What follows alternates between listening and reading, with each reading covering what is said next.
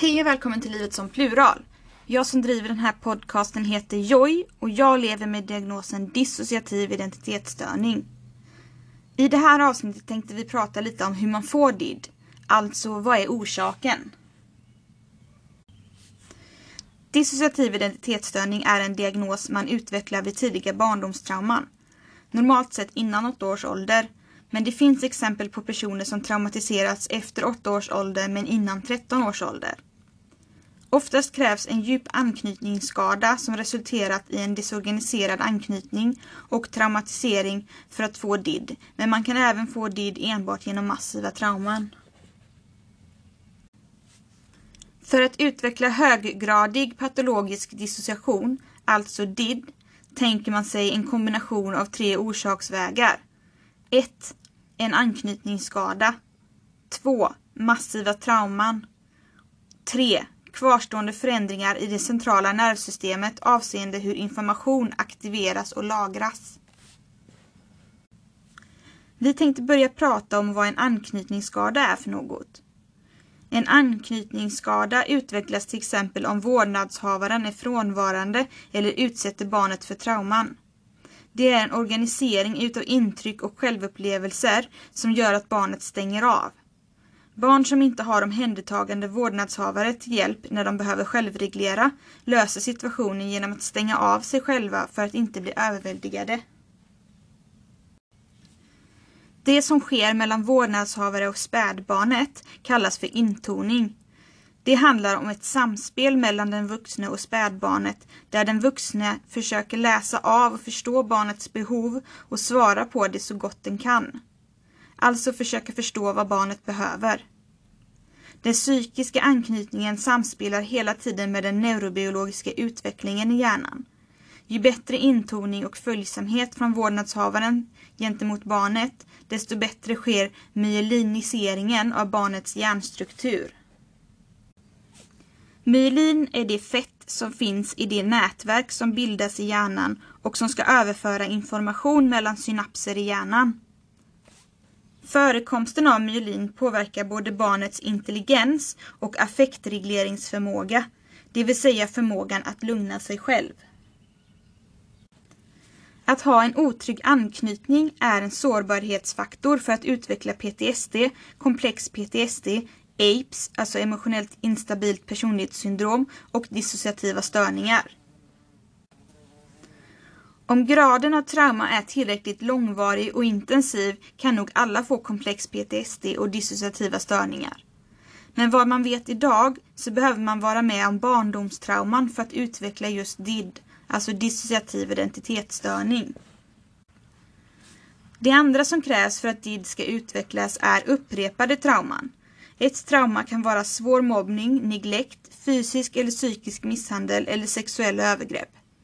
Hur mycket trauman som behövs för att utveckla DID är individuellt och beroende på ens sårbarhetsfaktorer. Traumatiska situationer, det vill säga de svåra situationerna vi är med om under uppväxten, lagras som allt annat vi lär oss i vår hjärna. Oavsett om dessa situationer har sitt ursprung under de första åren eller senare i livet. Men vår lagringskapacitet och förmåga skiljer sig väsentligt åt om vår hjärna är outvecklad än om den börjar få erfarenheter och mentaliseringsförmåga. Alltså förmågan att se saker ur olika perspektiv. Allt vi lär oss lagras, men med olika effektivitet och strukturförmåga beroende på omständigheterna. Traumatiska erfarenheter som barnet inte har förmåga att smälta, förstå och integrera ska också lagras någonstans. Men när barnet inte kan smälta och förstå traumat förblir det ordlöst, det får ingen etikett och lagras därför annorlunda i minnet. Eftersom traumat är oförståeligt och skrämmande har man inte förmågan att integrera händelsen ibland sina normala minnen. Eftersom traumaminnen processeras annorlunda och fortsätter vara skrämmande och oformliga blir det svårt att sätta ord på erfarenheten. Traumaminnen brukar återkomma som flashbacks. En flashback är sällan en hel händelse. Det har istället formen av till exempel bilder, ljud, smaker, känslor och lukter. Därav ger komplexa trauman bestående förändringar i centrala nervsystemet avseende hur information lagras och aktiveras. Detta gör som sagt att man kan ha bortträngda minnen men faktum är att traumaminnena inte är bortträngda. De har helt enkelt inte kunnat integrerats. Det forskas mycket på de kognitiva och neurala processerna som ligger bakom minnen av negativt upplevda händelser. Man kommer normalt sett ihåg känsloladdade händelser men bara upp till en viss nivå av anspänning i det centrala nervsystemet. Extrem skräck kan göra att man inte får några minnen alls. Alltså om man dissocierar i samband med en överväldigande händelse kan vissa delar av händelsen förbli borta. En flashback kan göra att minnen som man inte minns kommer upp till en medveten nivå. Detta beror troligtvis på att hippocampus stänger ner när anspänningsnivån blir för hög.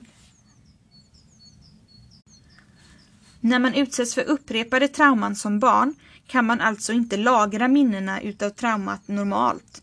Detta eftersom man inte klarar av att integrera traumaminnen. Upprepade trauman i kombination med oförmågan att integrera gör att barnets toleransnivå blir sämre eftersom systemet är konstant överbelastat. Överbelastningen gör till slut att bägaren rinner över.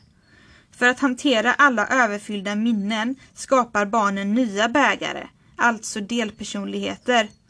EP-delar som tar hand om trauman som inte får plats i den första bägaren samt ANP-delar som sköter vardagen. Barnet har nu utvecklat diagnosen dissociativ identitetsstörning. Det var det för det här avsnittet. Vi hoppas att ni tyckte avsnittet var intressant. Glöm inte gilla och prenumerera för att få meddelande om uppdateringar av podden. Hej då!